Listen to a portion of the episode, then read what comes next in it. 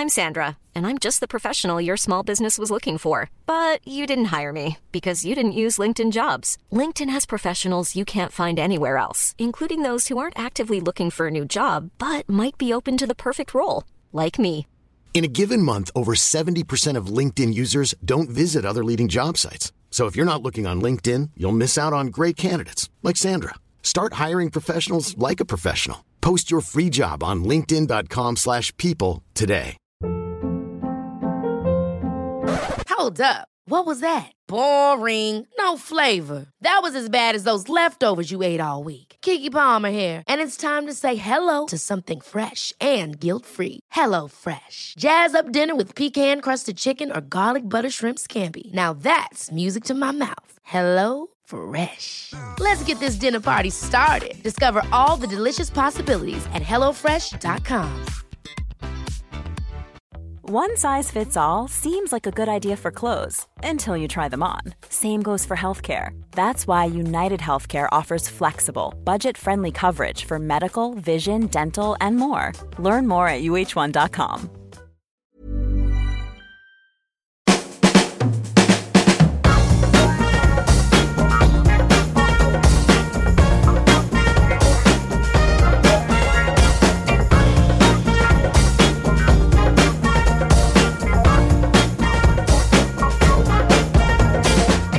Välkomna till Health for Wealth, en podd om hälsa på arbetsplatsen. Det här är vår tredje säsong, avsnitt 30. Jag heter Boel Stier och är copywriter och kommunikatör. Jag heter Ann-Sofie Forsmark. Jag är hälsostrateg, civilekonom och hälsocoach. Idag ska vi prata om ett prisbelönt sätt att leda, men också om man hur, kan vara hållbar, hur man kan vara hållbar i sitt ledarskap. Vi har Hanna Bjärgård från polisen i studion, men först en tillbakablick. Ja, för förra gången då pratade vi om feedback. Och eh, att det gäller att både säga rätt saker, men man måste även säga dem vid rätt tillfälle. Ja, och att det inte finns en färdig mall att följa, utan man måste göra det både situations och personanpassat. Däremot ska man tänka på att feedback ska vara konkret och att man ska bedöma helst det en person gör och inte det den är, för då uppmuntrar man till utveckling. Mm. Och apropå att vara konkret, det var ju ett tag sedan vi pratade om fysisk aktivitet i podden. Och faktiskt, jag tror att det var ungefär ett år sedan som vi hade vår sitless-kampanj, Ja. hashtaggen sitless. Men eh, det kommer snart ett avsnitt om det igen, för det är, det är alltid relevant. Och då kanske ehm, vi väcker kampanjen till liv. Det tycker jag, absolut. Eh, men vi kan berätta lite om, om vår, vad vår partner Skandia gör för att bryta stillasittandet. Mm, just det, för att eh, för chefer som vill sänka sjukskrivningstalen så finns det en mäktig fiende. Den heter stolen, kontorstolen. Och vid sidan av den så sitter vi mycket i tv-soffan, i bilen. Och sitter man still vid sitt skrivbord åtta timmar om dagen så vägs det inte upp av ett gympass på lunchen eller ett löppass efter jobbet. Nej, och förutom att många av oss jobbar framför en skärm så, så har det blivit så att vi roar oss ju också framför en skärm. Vi kanske tittar på film, vi chattar med varandra och så vidare. Och så just det här att vi sitter i våra bilar och inte bara det i liksom kollektivtrafiken också. Om man använder det så sitter man ju ofta. Eh, och snitttiden, och jag tycker det här är helt, det här är helt galet, men snitttiden för vuxna svenskar att sitta, alltså 9 till 10 timmar per dag. Och det är, alltså det är helt enormt, för vi får lägga på att man ska ju sova också. Så att, vad Ja. är kvar liksom? Ja, och det tråkiga är att vi inte riktigt väljer det tycker jag. Liksom, Det är mer strukturerna som är sådana. Och hur som helst så forskning visar då att då tappar vi alla de här hälsoeffekterna vi får om vi, om vi tränar eller ja, så. Och det här kommer man alltså inte åt med någon friskvårdstimme. Vi behöver göra något mer radikalt. Det handlar om liksom bulken av de timmar vi, vi jobbar. Och här kan det verkligen vara fiffigt med en gemensam insats på arbetsplatsen. Strategisk och hållbar som vi brukar säga. Ja, och här behöver man kanske inte byta om, utan det är vardagsrörelse som är grejen då, snarare än en målinriktad träning, om man tittar just på att få hälsoeffekter. Och där har vi pratat flera gånger om här i podden, och Skandia, de jobbar förebyggande för friskare arbetsplatser.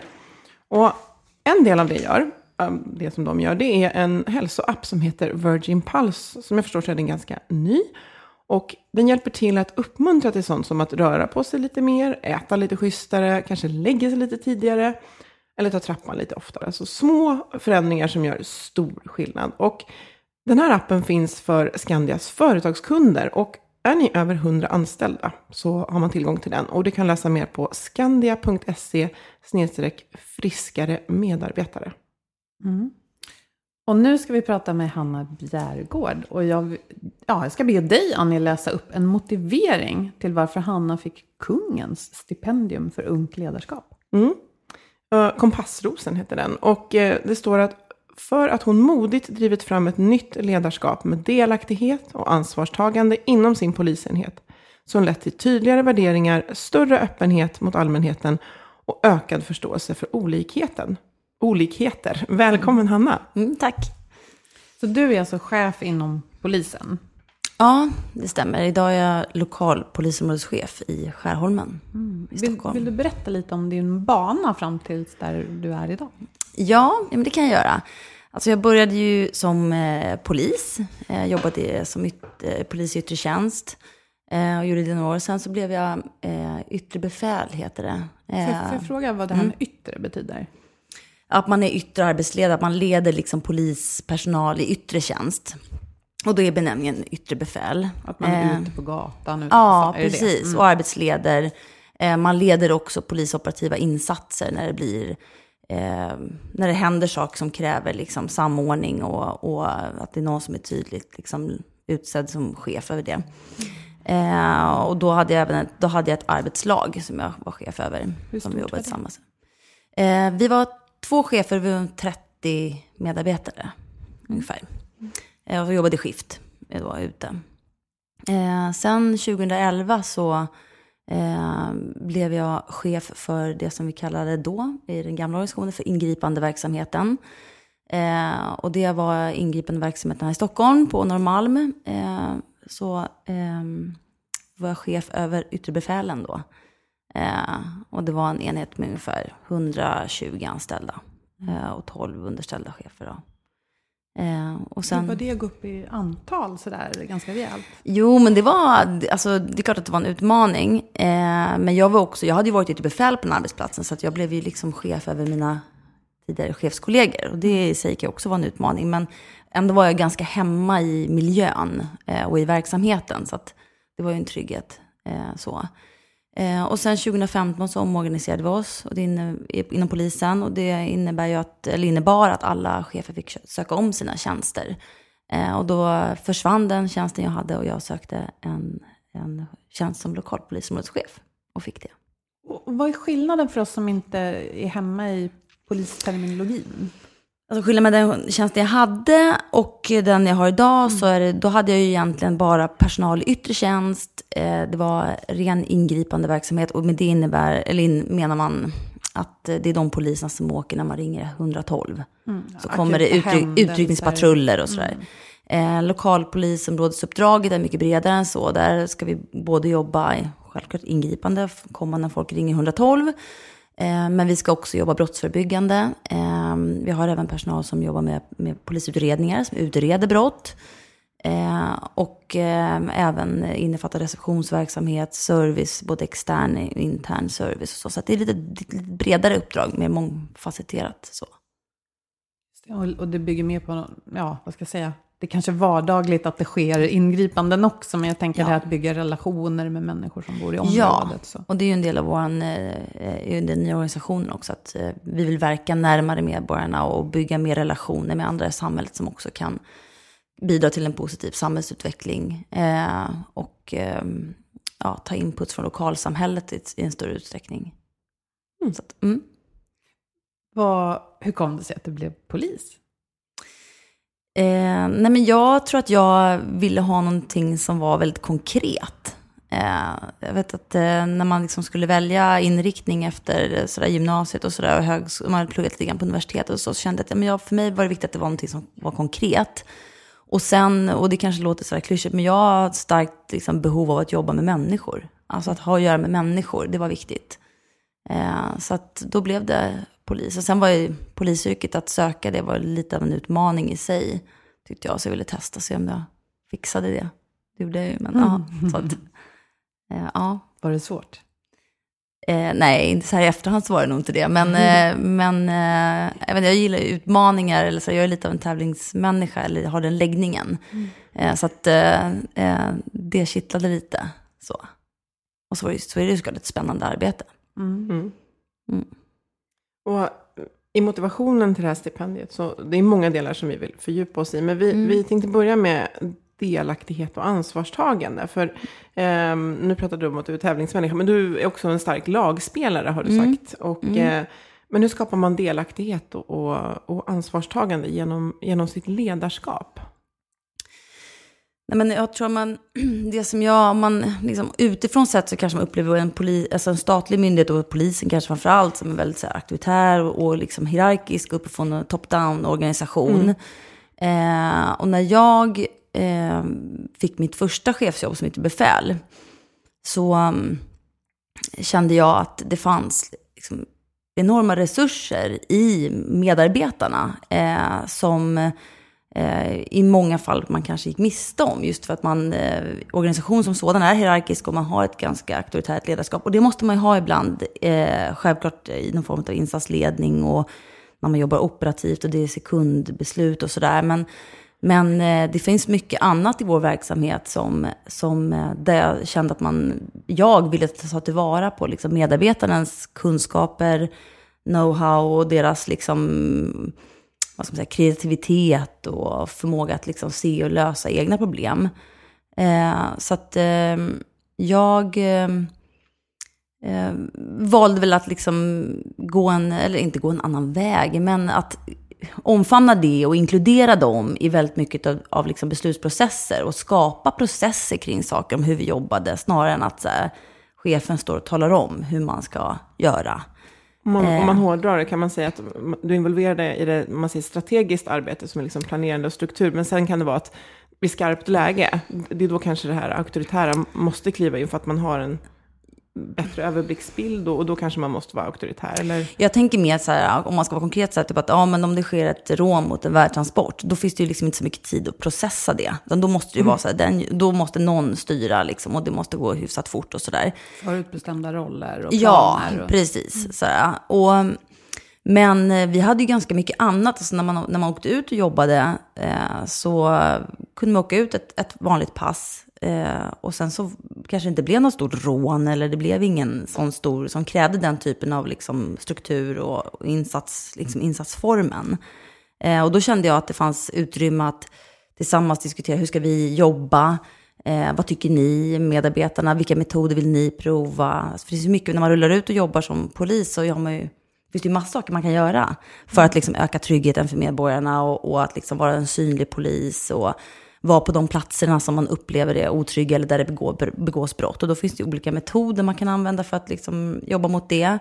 Eh, och det finns också massa, men framförallt massa kunskap i dem som alltid är ute och jobbar i, så här, vi tror att det här är det bästa sättet, eller vi, det här har vi provat, det funkade inte och så. Eh, så att det finns, jag tyckte det fanns mycket att hämta där, eh, som jag tyckte var lite outforskat.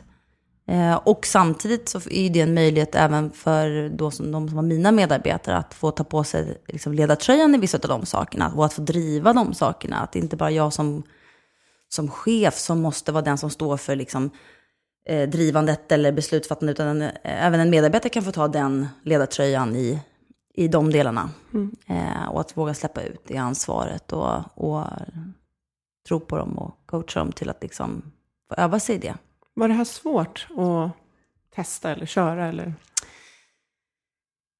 Nej, ja, nej. Inte svårt, men eh, jag tror att, eh, eh eller jag vet att jag fick återkoppling på det, att eh, det kunde uppfattas som lite liksom, ja, men nytt och lite svåromfamnat. Sådär. Liksom ett auktoritärt ledarskap kan ju ibland skapa ganska passiva eh, medarbetare. Eh, och när man då sen vill att de ska vara liksom aktiva så kan det ju liksom, eh, ja, det, det är ju en förändring för medarbetarna. Eh, så att till viss del så var det väl en del som kanske var mer eller mindre bekväma i att, jaha, men ska vi tycka till nu och jaha, ska jag liksom ansvara för det här och ja, så. Men jag tycker ändå att eh, en bit in på vägen och liksom ett år senare så var det nog väldigt många som var jag fick i alla fall återkoppling på att de tyckte det var väldigt roligt, att man växte i sin roll och att man kände sig sedd och liksom uppskattad och att man fick liksom utlopp för sin, sina kunskaper och sin kreativitet. Mm. Hade du något stöd i det här? Alltså i vilken utsträckning var det dina egna idéer och ett eget projekt? Eller? Nej, men jag hade, jag hade ju en chefskollega eh, och som eh, liksom också var väldigt liksom, mån om att involvera medarbetarna. Så vi gjorde det tillsammans. Eh, så att, eh, men stöd, jag, alltså jag hade väl det stöd från min chef att jag hade frihet att göra det. det och det var väl ett form av stöd. Mm. Så. Mm. Mm. Men det stämmer ju med, med alltså om man tänker på teorier om, om att trivas på jobbet och prestera, att Mm. få eh, vara delaktig och sådär. Men som du säger, det kan vara en, bet, en beteendeförändring om man Ja. är van att få information, så här ska vi göra. Och nu förväntas Ja. man vara med och, och styra i det själv. Men, Ja. ja. Och Jag tänker på alla verksamheter, ser- alltså varje verksamhet ser ju olika ut, men just det att vi har behov av tydlighet, det är viktigt när man leder. Eh, men också hur man skiljer det som måste vara tydligt från de utrymmen där man kan vara kreativ, bidra. Jag tänker att det kanske både är väldigt enkelt inom polisen, så som du beskrev det nu. Eh, är det en insats, är det något som händer just nu som vi måste ta tag i? Måste man förlita sig på inarbetade rutiner och roller? Men i annan verksamhet kan man vara mer kreativ. Och jag vet inte om man alltid kan dela upp det riktigt sådär, bara en öppen fråga. Just vad som ska vara väldigt tydligt och vad det finns utrymme att forma, med, medforma. Men tyckte du alltid att det var lätt att hålla gränsen mellan de två delarna så att säga? Jo, men det upplevde jag nog. Men det kanske är för att polisverksamheten är beskaffad så, lite grann. Ehm, så, men det är väl fortfarande någonting som jag jobbar med idag. Och idag är mitt uppdrag något, ett, ett annorlunda uppdrag. Eh, och eh, där är det, tycker jag att gränsdragning kan vara liksom en utmaning emellanåt. Ehm, I det att till exempel när, när vi går in i en ny organisation så är det så att vissa saker är förutbestämt eh, och andra saker är inte förutbestämt. Eh, och så börjar man jobba i kreativa processer för att liksom, hitta formen för det.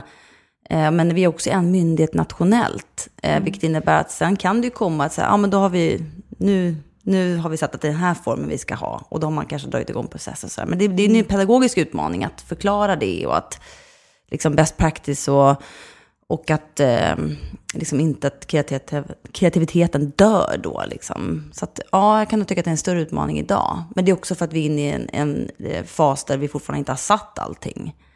Eh, och då, så tänker jag att det måste vara i många andra branscher också, att man börjar jobba på någonting och sen blir det ingenting. Mm. Aha, då får man avstanna den processen. Så tror jag att det ser ut överallt. Men Ja, för att Ja. man bestämmer inte allt själv. Nej. Antingen man är på en myndighet eller kanske ett stort företag med glo- alltså, global närvaro och sånt Ja. där.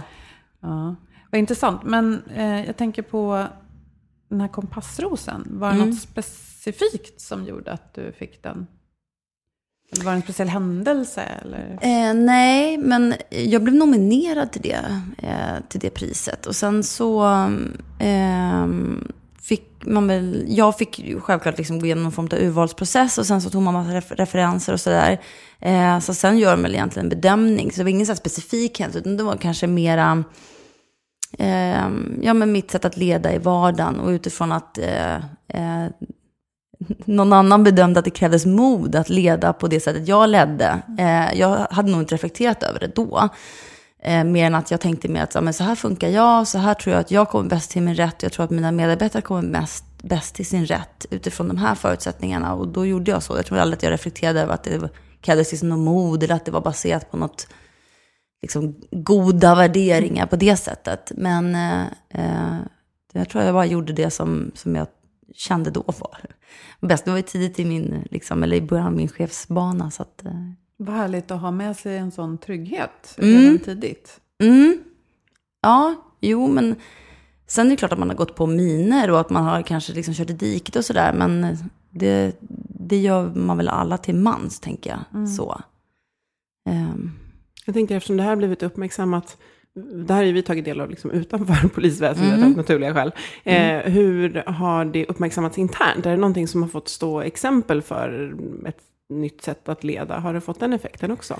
Nej, det skulle jag väl inte kanske säga att det har fått. Mer än att eh, självklart så uppmärksammas det när jag fick priset. Så, och nu är ju det några år sedan, så att, jag brukar själv säga att man ska inte leva på gamla meriter, men, men eh, ja, jag tror att jag har fått, jag, det som man kan säga är att jag har fått vara med och liksom föreläsa på chefsintroduktionsprogram och sådär inom polisen. Och, och eh, internt så har man väl använt mig i vissa sammanhang just att prata kring alltså, eh, att vara kvinna och leda och att eh, till sådana som kanske är nyfikna på ledarskapet men som inte är riktigt säkra om det är något för dem, att man kan få komma dit och liksom prata med dem och mm. sådana saker. Så på det sättet har det uppmärksammats. Mm. Eh, så. Man liksom tar vara på det. Mm. Jag, jag blir förstås väldigt nyfiken för att vi, ja, vi läser mycket krisrapporter och vi har pratat om det här i podden också från stora delar av offentlig verksamhet. Och vi som då pratar om arbetsmiljö specifikt tänker just på de delarna. Men jag menar såväl från skolan och vården som inom mm. polisen. Och vad skulle du säga att ni står idag, tycker du, med, med ja, den här omorganisationen och, och det som vi som inte tar del av verksamheten läser i tidningarna? Liksom, är det på väg åt rätt håll? Jo, men det tycker jag. Eh, vi, har ju, ju, vi har gått två år in i den nya organisationen. Allt är självklart inte på plats än och det finns mycket kvar att göra. Ehm, eh, men jag tycker att vi har ändå har landat på fötter. Ehm, eh, och jag kan själv tycka att det är lite tråkigt att, att den eh, bilden som ges är väldigt mycket av det negativa, eh, som många av våra medarbetare kanske upplever. Men det är naturligt att det blir så. Eh, och eh, jag uppfattar nog att vi har en, liksom en, en bra, ett bra tempo framåt, att vi gör förbättringar, liksom ständiga förbättringar eh, och att vi utvärderar oss hela tiden hur vi är, hur vi förhåller oss emot vårt uppdrag och, och ehm, eh, om man tittar på arbetsmiljöaspekten så självklart har det här varit en, en turbulent period. Det påverkar ju arbetsmiljön för medarbetarna och, mm. och för chefer för den delen. Eh, men eh, jag tycker ändå att utifrån hur stor den här reformen har varit, så, eller är, så eh, måste jag ändå säga att jag tycker att vi, har liksom, vi är på väg åt rätt håll. Mm. Det tycker jag. Mm. Och vad, vad, är det vi, jag tänker så här, passa på att berätta lite för oss nu. Alltså, en annan bild som vi inte läser om i tidningarna. Vad, vad tycker du bör lyftas fram som vi inte känner till? Som polisen gör varje dag och som är viktigt? Ja, men det, det sker ju tusentals aktiviteter varje dag som man inte ser eh, såklart. Men eh, eh, alltså det som man skulle vilja lyfta fram, det är väl, och det är ju, blir ju inga rubriker av det, men det är ju Alltså vi har en, en, till exempel där jag jobbar, och inte bara i Skärholmen utan i polisområde syd, så har vi liksom en, en jättebra utredningsverksamhet där, där alla som utsätts för brott faktiskt liksom får, får en, en väldigt rättssäker och bra liksom, brottsutredning. Eh, man läser mycket om att vad vi lägger ner ärenden, riktigt så är det inte. Mm. Eh, utan att vi har en väldigt bra liksom, brottsutredande process som jag är stolt över. Mm. Eh, vi har poliser som varje dag är ute, är ute bland liksom, människor på gator och torg, eh, pratar med, hjälper folk, prat, pratar med medborgare, skapar relationer, ägnar sig åt ungdomar. Mm. Mycket sånt. Det blir aldrig några rubriker kring det. Men, mm. men eh, så dygnet runt, alla årets dagar, eh, så är, sker aktiviteter. Eh, så att, eh, ja. Mm. En liten reflektion, det är ju ganska, jag tänker på många andra verksamheter också, att just när det mm. är business as usual, mm. det är ju inte det vi eh, med vårt stressade samhälle också, där vi liksom är så upptagna, utan det är ju eh, det här goda, små, goda förändringar mm. varje dag. Gör mm. inte rubriker, och vad vi egentligen borde bli bättre på att att lyfta fram så exempel. Idag har vi liksom gjort ja. det här. För jag tänker så här, mm. bara exempel, jag följer ju polisen på Twitter till exempel. Och då mm. är det ju bara när det har skett någonting mm. som det dyker upp. Men så här, mm. idag är vi ute och besöker en skola. Liksom mm. och berättar för, alltså, mm.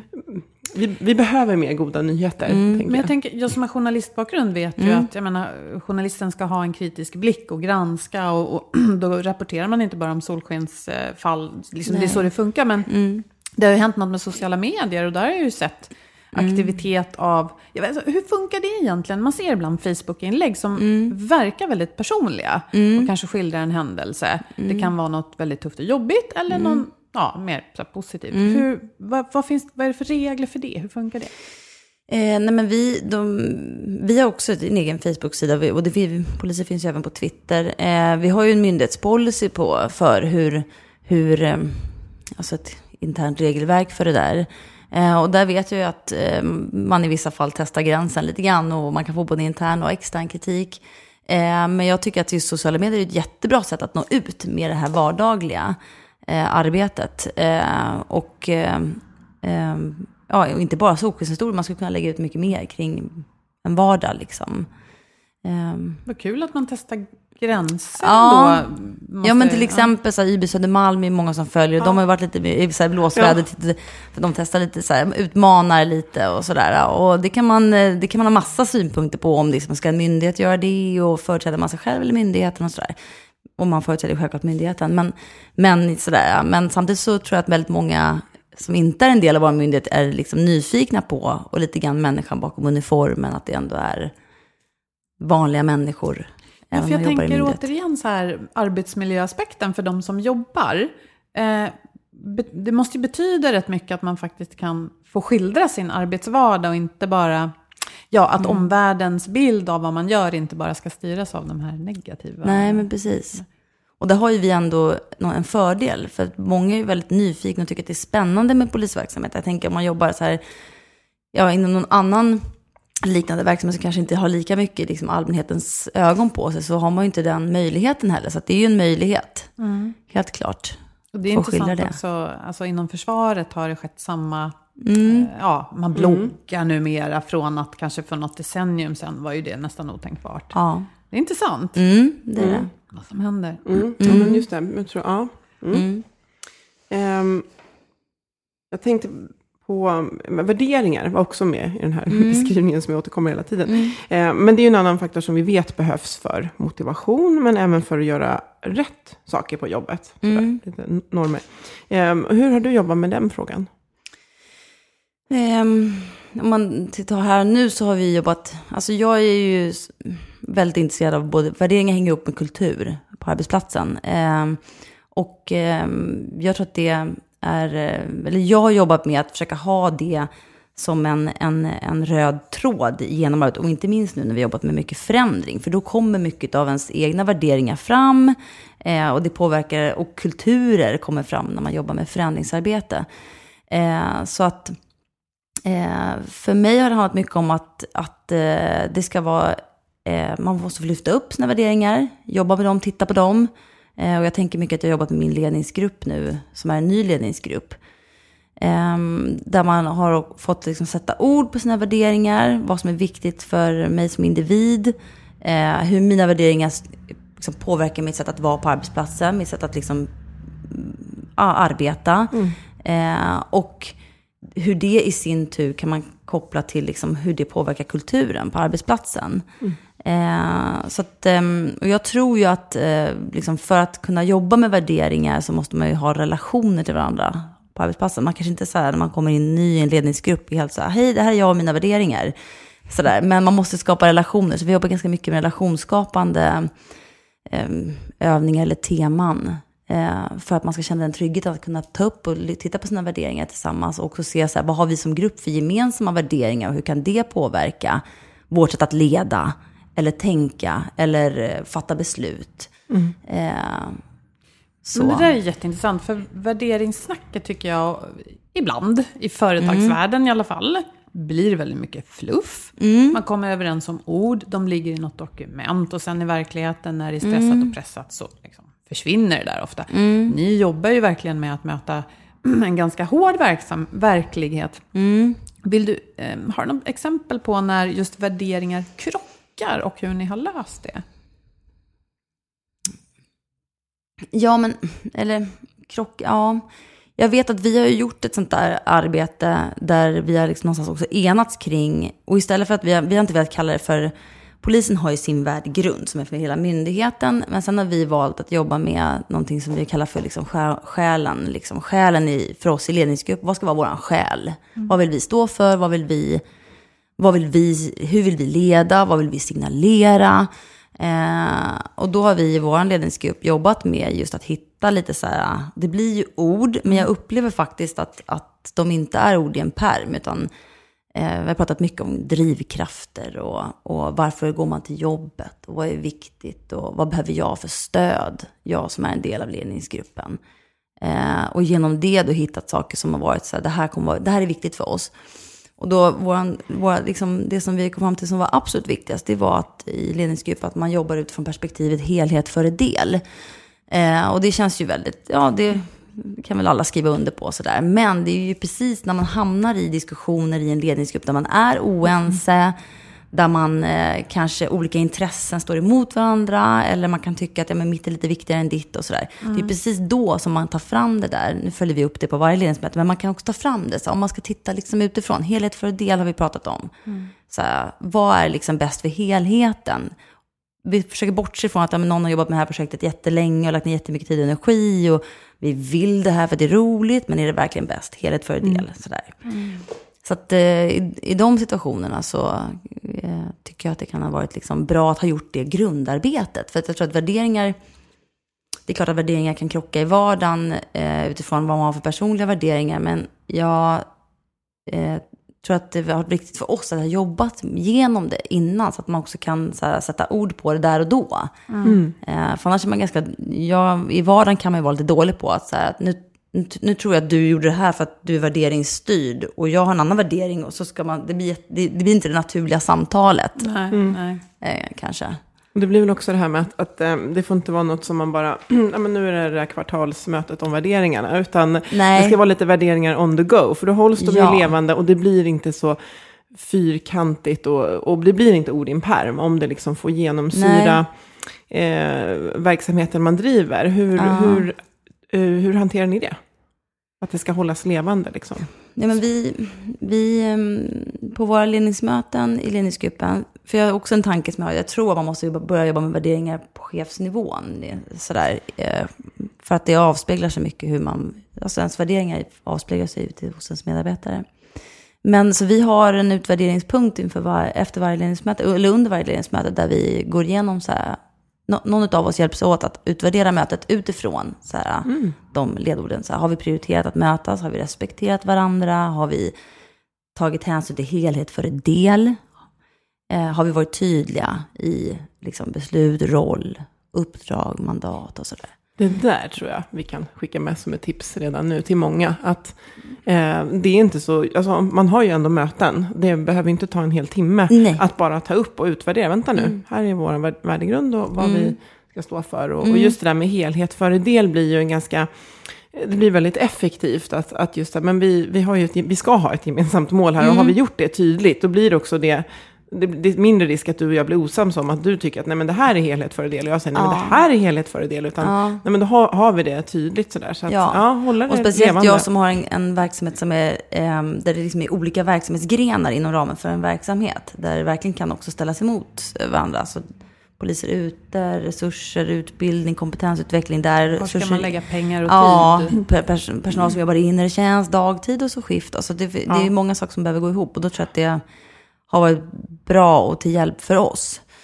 faktiskt att ha det. Och att man faktiskt utvärderar det ja. vid varje möte. Att man, och att det inte behöver vara jag, eller liksom, det, utan det kan vara vem som helst som får tillfälle att liksom, så här, ja. hur, har vi, hur har vi skött oss idag? Liksom. Mm.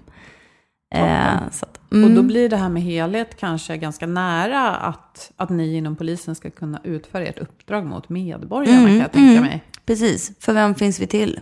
Ja. Det är ju en sån naturlig fråga som vi vi, vi liksom ändå har, och det kan man tycka, man har ett enkelt svar på den, men är det så här, för vilka finns vi till? Ja, vi finns ju till för medborgarna, men vi finns också till som chefer, finns vi till för våra medarbetare. Mm. Alltså, och i vilka, vilket perspektiv intar man i olika frågor? Och, och behöver man ibland påminnas om ett perspektiv? Jag, jag, tänker en koppling tillbaka till Ylvin, Ylvin, Ylva Elvin mm. Novak mm. som vi hade här för ja. någon månad sedan. Som pratade om bland annat det här att ibland om det uppstår konflikter, så istället för att grotta ner sig om dem, i dem, så kan man lyfta frågan varför verksamheten finns. Och att mm. det, som hon tror jag sa, får folk att liksom ta sig kragen och sätta sig över mm. de här lite små mm. men ändå jobbiga problemen. Mm. Tänk att mm. det, mm. Ja, Ja. precis. Och det kräver ju då att det där arbetet, ja men att det där varför finns där, som vi Ja. hela tiden kommer tillbaka till. Och här, som du säger, det kan vara så här självklart, fast, ja, fast det, eftersom man har en så spretig verksamhet där man har så många delar, så behöver man så här, man behöver komma tillbaka till det regelbundet. För det blir, man kan inte ta det för givet heller, för då skapar ju alla sin egen vinkling av, Ja. Ja, av precis. varför. Liksom. Så att, ja, Ja. intressant. Mm. Ehm, skulle du, har du några tips du vill skicka med till andra chefer som liksom känner att man kanske vill gå från det som, med citationstecken, auktoritärt ledarskap och, och mer teamplayer-känsla i sitt ledarskap? Vad, hur kan man börja? Ja, men jag, om något medskick så tänker jag att jag eh, tror att det är viktigt att man kanske börjar med att vara tydlig med att det är det man vill åstadkomma. Eh, eh, och att man eh, tänker till om hur man vill genomföra en sån process. Så att man kan också förklara det. Så det inte bara är så här, "Ha, chefen hade en här, mjuk dag eller vad det nu kan vara. Men eh, jag tror att man, vill liksom, att man behöver vara tydlig med att det är så man vill att det ska vara. Eh, att man vill att eh, medarbetarna liksom ska få kliva fram och ta liksom, del och vara delaktiga och så. Sen tror jag att det är jätteviktigt att man också håller sig vid det man har sagt då. Att, det, att, att när medarbetarna då kommer med input så är det, framförallt tyckte jag att det var så i början att man, det kan ju vara en känslig fas om man ska bry, bryta ett ledarskapsbeteende eller, eller en organisationskultur.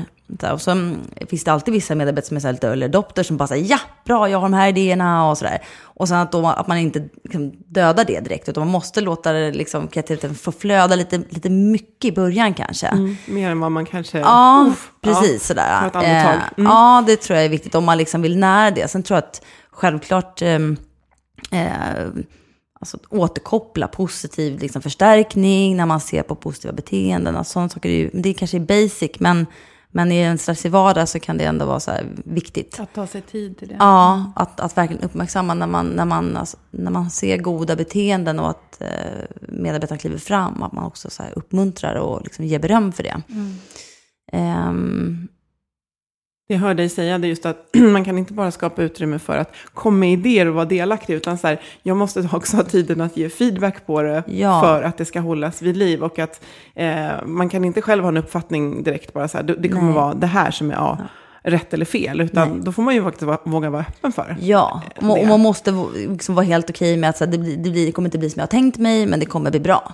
Mm. Eh, och att det, man lita litar på, det. Ja, Processen på något sätt. Lita ja på processen. och tillitsperspektivet tänker jag mycket på, liksom, istället för kontrollperspektivet, att man jobbar med tillit, att man... ehm, att man jag litar ju på och är helt övertygad om att mina medarbetare liksom är bäst på att göra sitt jobb. Och uttrycker jag det och visar det, eh, så kommer de också liksom få känslan av att så här, men hon litar ju faktiskt på Då oss. axlar och då axlar man det. Och då liksom, i perspektiv mot kanske kontrollperspektiv, att man går in och så man är där och kontrollerar hela tiden, så här, vilket jag själv då kan uppleva när man har stått under ett sånt ledarskap, att man kan bli osäker på att göra rätt och göra fel i det här som förväntas. Så där, utan, men jag litar på dig. Eh, du, kommer liksom, du kan det här. Eh, så.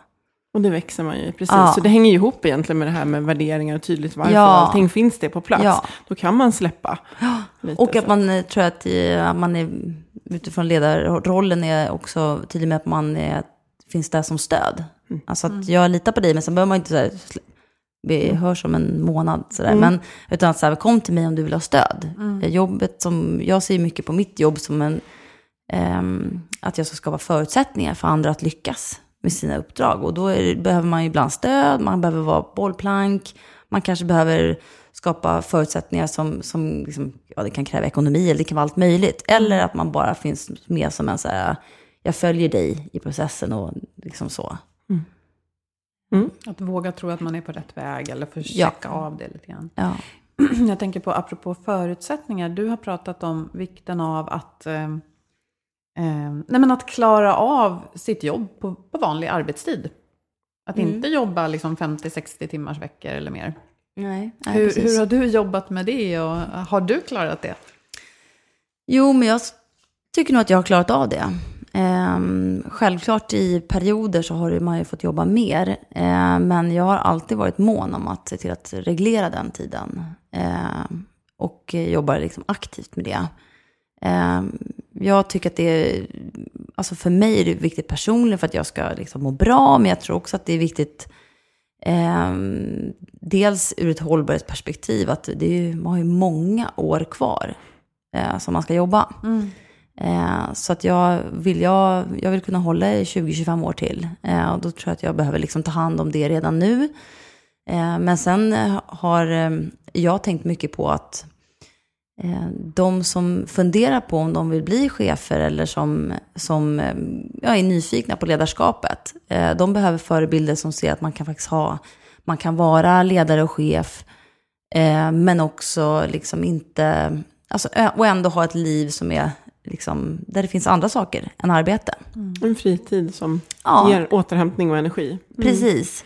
Ehm, och jag tror att det är jätteviktigt, för även om man inte tänker på det i vardagen så tror jag att man som medarbetare så sneglar man på chefen och det blir någonstans eh, lite grann eh, mallen för hur eh, ledarskapet är. Apropå kultur. Ja, Visst. precis. Det är så.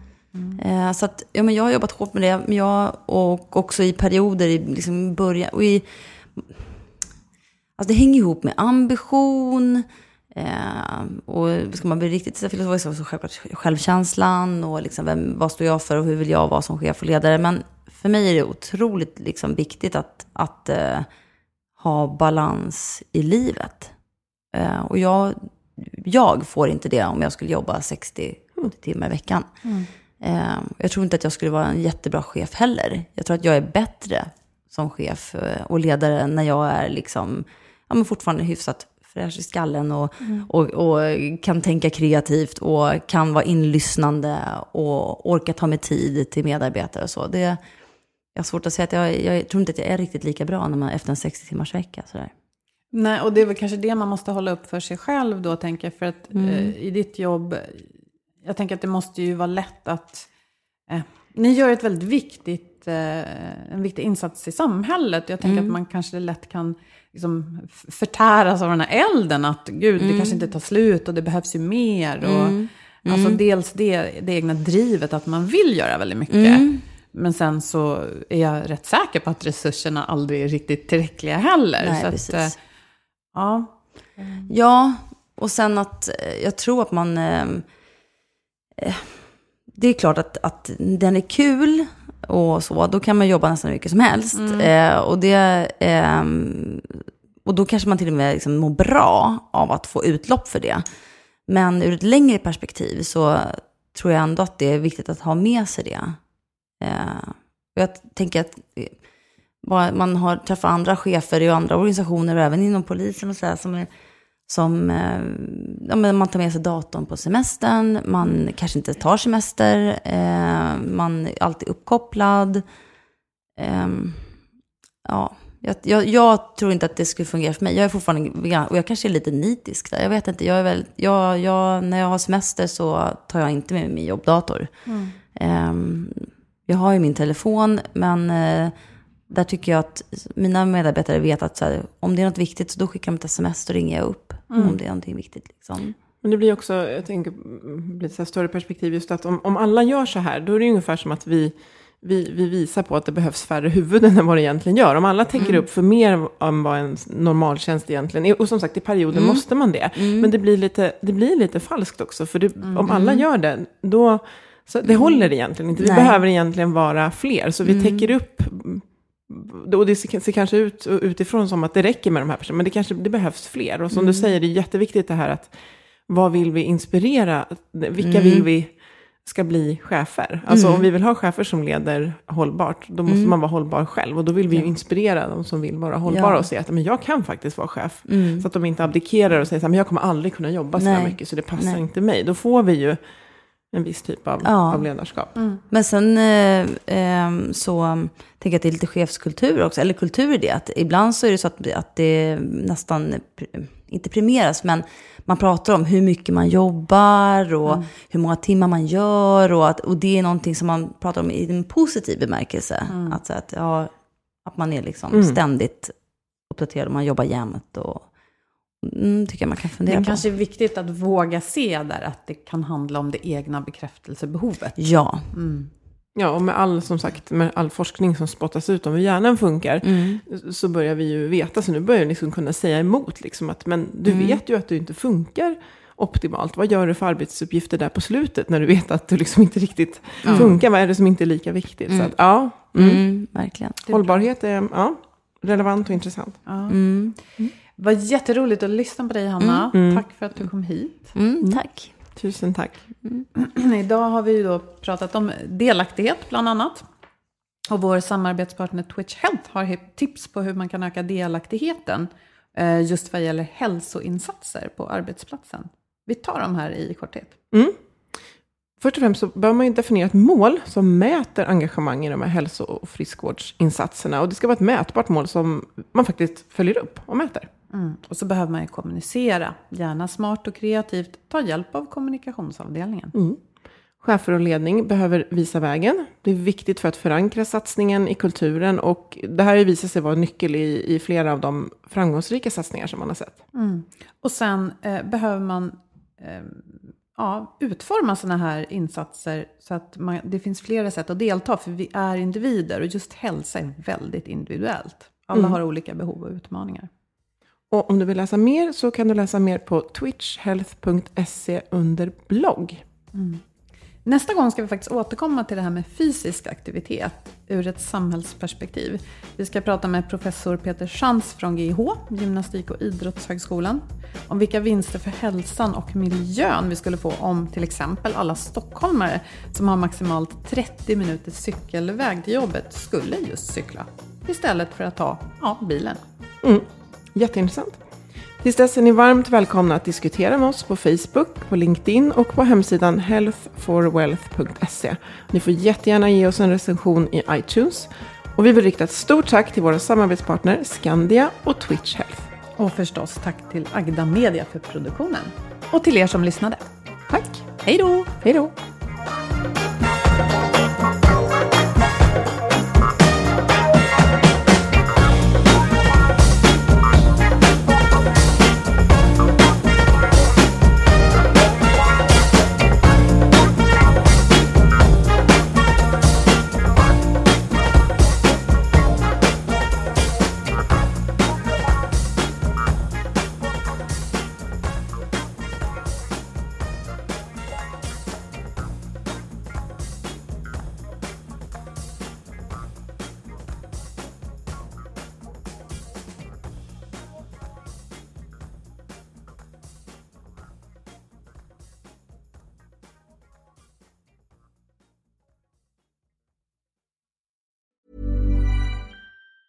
Planning for your next trip?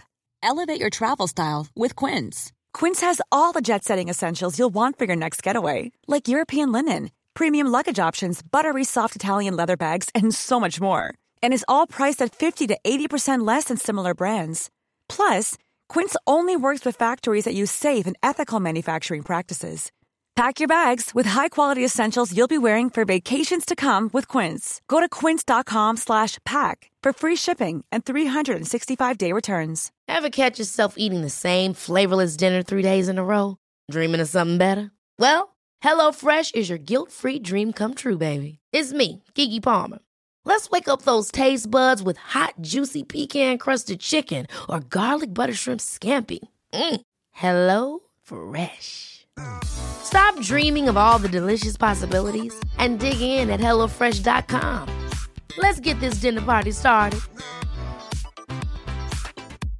Imagine the softest sheets you've ever felt. Now imagine them getting even softer over time. That's what you'll feel with Bowl and Branch's organic cotton sheets. In a recent customer survey, 96% replied that Bowl and Branch sheets get softer with every wash. Start getting your best night's sleep in these sheets that get softer and softer for years to come. Try their sheets with a 30-night guarantee. Plus, get 15% off your first order at bowlandbranch.com. Code BUTTERY. Exclusions apply. See site for details.